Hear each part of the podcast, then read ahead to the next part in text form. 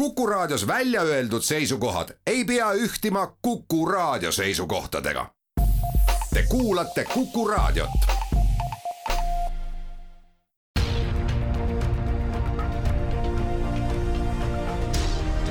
uue samba taga. sammaste taha aitab vaadata sajaaastane eestikeelne rahvusülikool tere kuulama saadet, kus mikrofon ette on ülikoolist tulnud keskkonnakeemia kaasprofessor Taavo Tõnnamäe, hakkame rääkima siis ohtlikest ainetest ja nende ainete püüdmisest, kättesaamisest ehk reovees olevatest ainetest, mis sinna on jõudnud. juttu juhib Madis Ligi. keskkond mõjutab meid nii või teisiti, sest seal võib olla midagi, mis meile ei mõju hästi, kus on mindud üle piiri ja siin on teie töömaa jah, Tartu Ülikooli Keemia on meil selline väike uurimisrühm jah, keskkonna keemia uurimisrühm ja siin me tegelemegi põhiliselt veekeemiaga, et, et siis nii-öelda kõige saasteainetega ehk siis selle reoga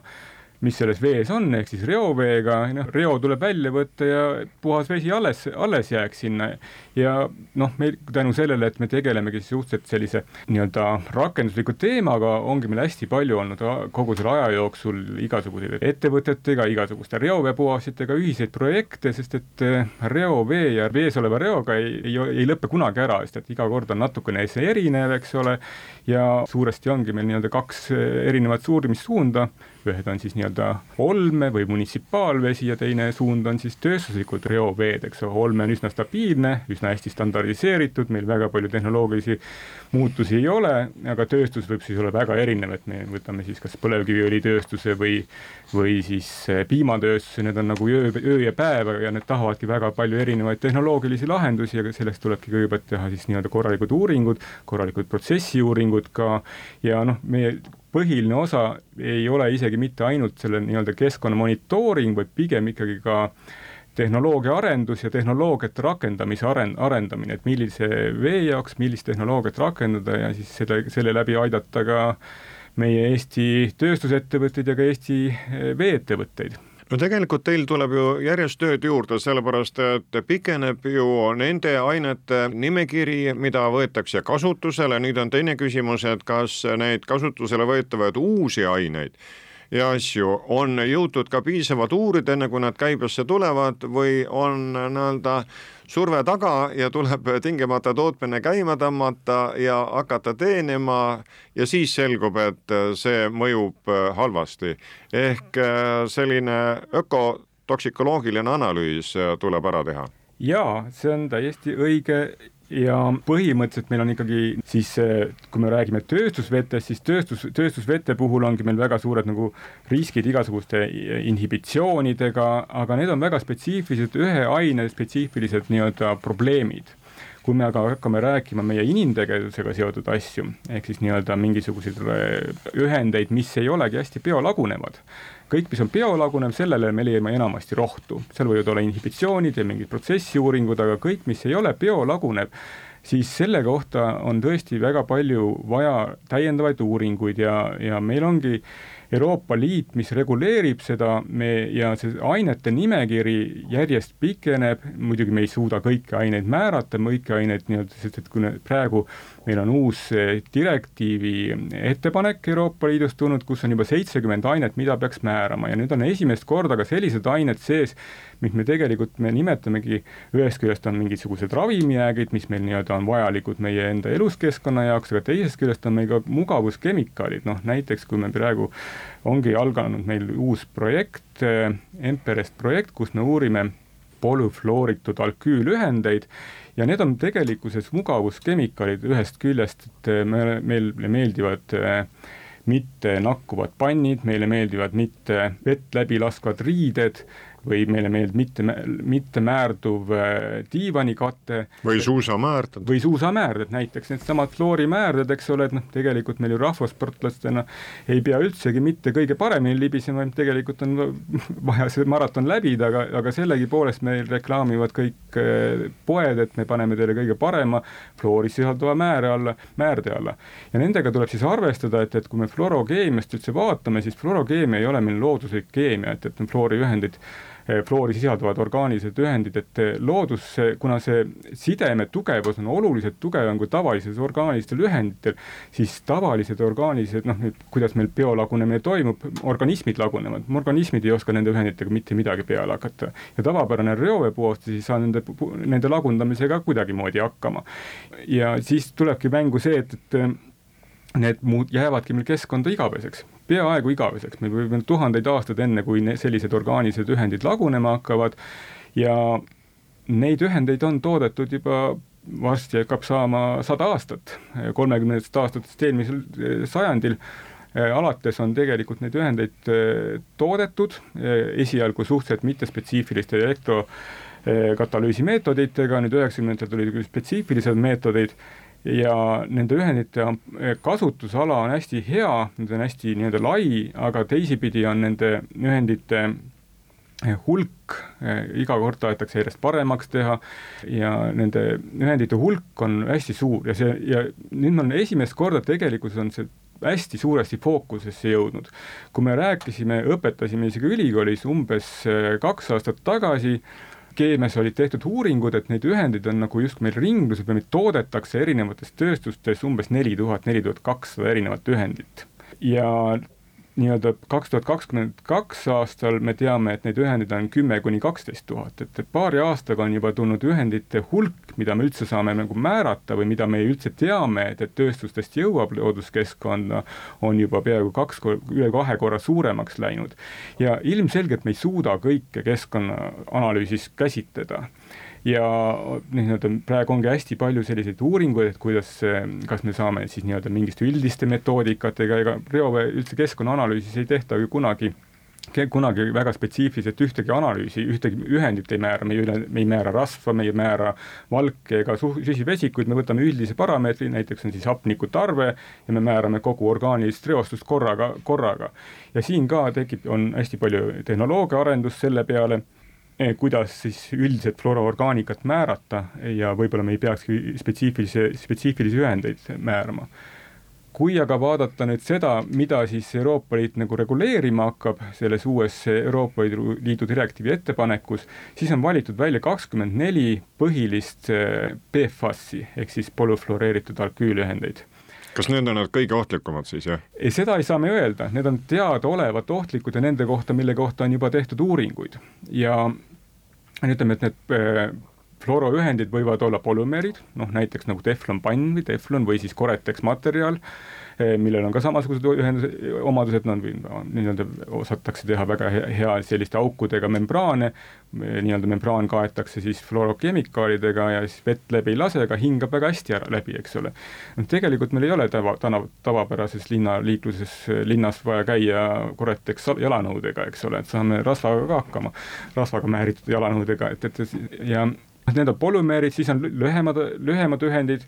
ja on hästi palju uuritud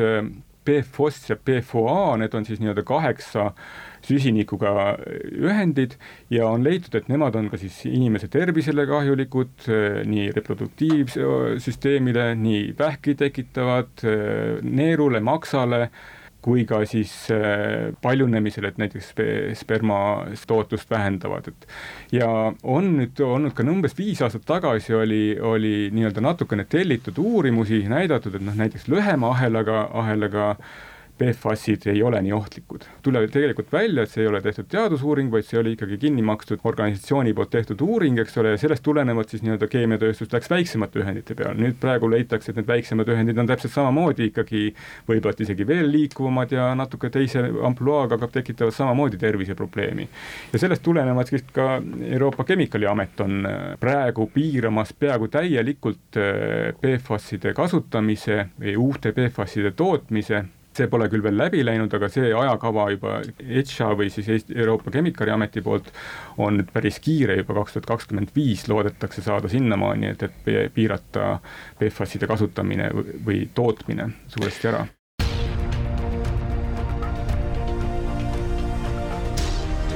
uue samba taga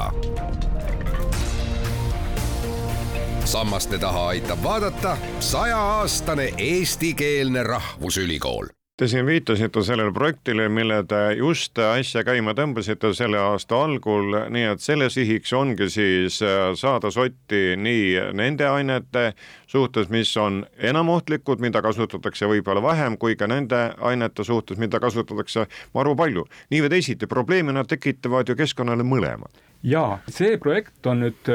on nüüd Interregi projekt ja sinna on kaasatud erinevad ülikoolid ja ka on kaasatud ka erinevad reoveepuhastid. kui me hakkame neid kunagi keelama, siis meil on tegelikult kasutuses, ringluses on meil neid endiselt hästi palju. Ja tuleb ka siis nii-öelda reoveepuhastitele, kui praegused reoveepuhastid eraldavad meil tavapäraseid orgaanilisi aineid ja tavapäraseid eh, biolagunevaid eh, ühendeid ja lämmastiku ja fosfori ühendeid, et ei tekiks eutrofeerumist ja Läänemere kaitseks et nüüd siis tahetakse teha neljanda astme puhastus. Ja selle, kuigi praegu veel nõudeid ei ole, siis ka päris mitmed Eesti suured reoveepuhastused, näiteks Tallinna Vesi ja aktsiaselts Tartu Veeverk on ka kaasatud sellesse projekti ja me ehitame sellise pilootjaama, kus mis võetakse reoveepuhasti välja vooluv vesi ja see siis töödeldakse erinevate teadaolevate metoodikatega, on see siis aktiivsöega, on siis osoneerimisega, ultravioletiga või siis peenfiltratsioonidega. Ja meil on ka projektis piisavalt raha, et analüüsida kahte poolt, ühest küljest neid fluoroühendeid, PFAS-ühendeid ja teisest küljest ka siis äh, ravimijääke, hormoone, mis on tavalised orgaanilised ühendid, mida me kindlasti suudame lagundada. PFAS-id on nii stabiilsed, et neid me isegi ei suuda lagundada, tõenäoliselt isegi mitte osooniga või suudame osaliselt, osaliselt lagundada osooniga näiteks. ja selle raames siis juba reoveepuhastid saavad esialgse hinnangu, mida nad võib-olla siis viiekümne või viieteistkümne aasta pärast võiksid investeeringukavasse ette võtta. nii et selle projektiga te ei haara Eestit tervikuna, vaid olete siis suuremad reoveepuhastid välja vaadanud, vaadanud ja sealt omakorda siis võtate reoveest välja need äh, vajalikud ained, selle projekti jaoks vajalikud ained? me selles projektis ainult katsetame tehnoloogiaid, selles projektis veel suuri investeeringuid ei tehta, tehakse üks mobiilne pilootjaam, mis investeeritakse Tartusse, kõigepealt töötab ta pool aastat Tartus, siis ta läheb Tallinnasse. Pärast seda edasi läheb ta veel Soome, Turu linna reoveepuhastisse ja teine sarnane äh, pilootjaam käib siis teistes Läänemere riikides nagu Poolas ja Leedus ja me lihtsalt testime erinevate linnade spetsiifilisi reoveepuhastustehnoloogiale sobivust erinevatel täiendavatel tehnoloogiatel, mis võiks siis tulla kohustuseks äh, suurtele reoveepuhastitele tõenäoliselt ka umbes kaks tuhat kolmkümmend aastast. et ka Euroopa Liidu direktiivi ettepanek äh, on küll erinevates järkudes ette näinud seda, see pole ka veel vastu võetud, aga nähakse ette, et kuskil kaks tuhat kakskümmend viis, kaks tuhat kolmkümmend peaks juba olema reoveepuhastitel siis neljanda astme puhastus ehk siis täiendavate mittebioloogiliselt lagunevate orgaaniliste ainete eemaldamiseks olmereoveest kas selle tehnoloogia, see, mis te sinna sisse panete nii-öelda Tallinnas, Tartus ja mujal, olete siis äh, ülikoolis koos kolleegidega välja töötanud või on see tulnud mujalt? Noh, eks need tehnoloogiad on, ei ole midagi uut, mida meie tegelikult, meie siin välja töötame. meie aitame neid olemasolevaid, teadaolevaid tehnoloogiaid siis rakendada ja meie aitame ka monitoorida neid katseid läbi viia ülikoolidega. vahendame seda disaini ehk siis nii-öelda, milline see pilootjaam tulema saab, seal on hästi palju automaatikat, hästi palju proovi võtmist, et noh, tavalises reoveepoest nii palju proovi võtmist ja automaatikat vaja ei ole, aga nüüd me tahame seda uurida, hästi palju analüüsi selle käigus teha. ja meie roll ongi pigem selline nii-öelda vahendamine ja nende uuringute läbiviimine, sest et reoveepuhastitel endal ei ole spetsiifilisi inimesi, kes eh, oleks harjunud või teeksid eh, selliseid teadusprojekte või rakendusteaduslikke projekte. kui sageli te neid proove võtma peate, et tekiks adekvaatne pilt, mille pealt juba hakata soovitusi jagama? üldiselt on sellised eh, füüsika-keemilised eh, protsessid eh, suhteliselt stabiilsed. et kui me räägime adsorptsioonist, näiteks aktiivsööga adsorbeerimisest, siis ta ei muutu igapäevaselt midagi, meil võib siis nii-öelda reoveepuhasti väljundi ehk siis meie pilootjaama sisendi sisend muutuda, eks me nii-öelda väga palju, väga sageli proovi võtma ei pea. aga me paneme sinna ka mingeid andureid peale, mis siis sellist üldist orgaanilise aine tausta ja siis üldist heliumi tausta suudavad määrata, et me monitoorime reaalajas protsessi, aga paraku PFAS-ide või fluorokemikaalide või siis ka ravimijääkide analüüs on kallis, et neid analüüse me väga palju nagu järjest teha ei suuda isegi sellise projekti raames. ja tulevikus ka tõenäoliselt ega, ega reoveepuhastid ja meie keskkonda me sellisel määral monitoorima ei saa hakata, et me pidevalt teemegi kõikide ravimijääkide paneeli, see on lihtsalt keskkonnaanalüüsi seisukohast nii kallis asi ja me noh, me tegelikult tegelemegi, kuidas inglise keeles öeldakse, known unknowns ehk teadaolevad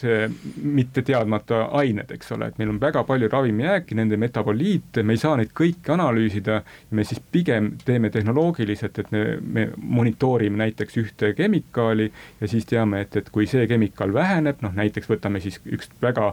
levinud kemikaal, mis on igas olmereovees olemas, on kofeiin või te, mis on nii-öelda suhteliselt ohutu kemikaal või võtame diklofenakk, on ka väga halvasti lagunev, et need mõlemad, mõlemad kemikaalid on, kasutatakse sageli markerkemikaalidena, et kui me määrame, et diklofenakk on ära lagunenud, siis tõenäoliselt on karbamazepiin või need teised ravi, ravimid samal määral, need on uuringu, uuringu alusel teha, et, et meil ongi siis sellised markerkemikaalid. Kuna see on rahvusvaheline projekt, siis äh, siin on ka rahvusvahelised partnerid, et meil on äh, siis Tartu Ülikool äh,, Berliini Tehnikaülikool äh,, Aalto ülikool äh, Soomest ja lisaks ka siis Turuameti kõrgkool, ehk mis on siis tehnoloogiaülikool.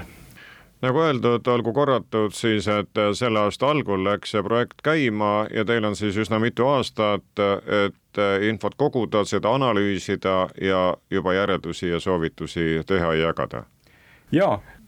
meil on see projekt kolmeaastane, see saab läbi kaks tuhat kakskümmend viis lõpuga ja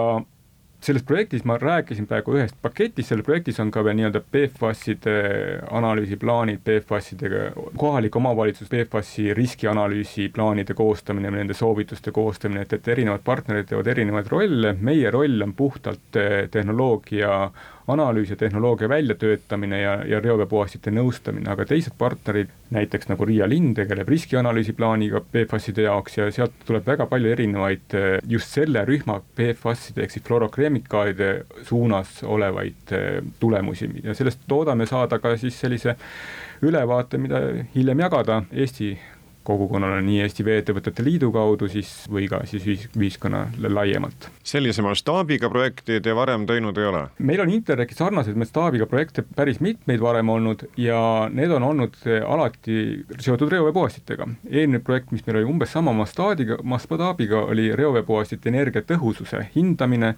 ja me tegime Läänemere maades reoveepuhastite energiatõhususe koefitsientide hindamist, töötasime välja veel ka standardi täiendused, kuidas eh, hinnata ühe linna reoveepuhasti, ta tarbib kuigi palju elektrienergiat, maksab iga, iga-aastaselt arveid, et kas see tulem, mida nad siis toodavad, on võrreldes teistega hea või halb, siis see selline nii-öelda uuring ja me saime ka siis päris palju Eesti reoveepuhastite tulemusi suhestada teiste Läänemere maade tulemusega. Või siis sellesama projekti raames ja ühe teise eelmise projekti raames me uurisime reoveepuhastist tulevate setete kasutamisvõimalusi ja neid tingimusi, sest et väga paljud ka orgaanilised ained lähevad reoveesettesse nii on see sete, mis puhastitest eraldatakse. Ja siin ongi Euroopas väga suur kaks trendi, Kesk-Euroopa, kus on väga tiheda asustustihedusega riigid nagu Saksamaa, Holland on läinud seda teed, et see reovesete põllumajanduses kasutamine ära keelata, reovesetest leidub väga palju kaltsiumit, fosforit, lämmastikku, mida noh, ta on hea väetis põlludele. Põhjamaad Soome, Rootsi on siiamaani väga palju kasutanud seda reoveesetet põllumajanduses ja selle noh, projekti raames siis analüüsiti hästi palju seda, et, et kas see on mõistlik, millised ohtlikud saasteained sealt tulevad ja millised noh, on riski ja ohutegurid reoveesete kasutamise puhul, et jah, just nimelt selliste reovee, reoveepuhastite, reovee töötlemise käigus tekivate probleemide lahendamisega seotud on meil päris mitmeid projekte olnud juba aitäh nende selgituste eest, Keskkonnaakadeemia kaasprofessor Taavo Tenno, küsija oli Madis Ligi.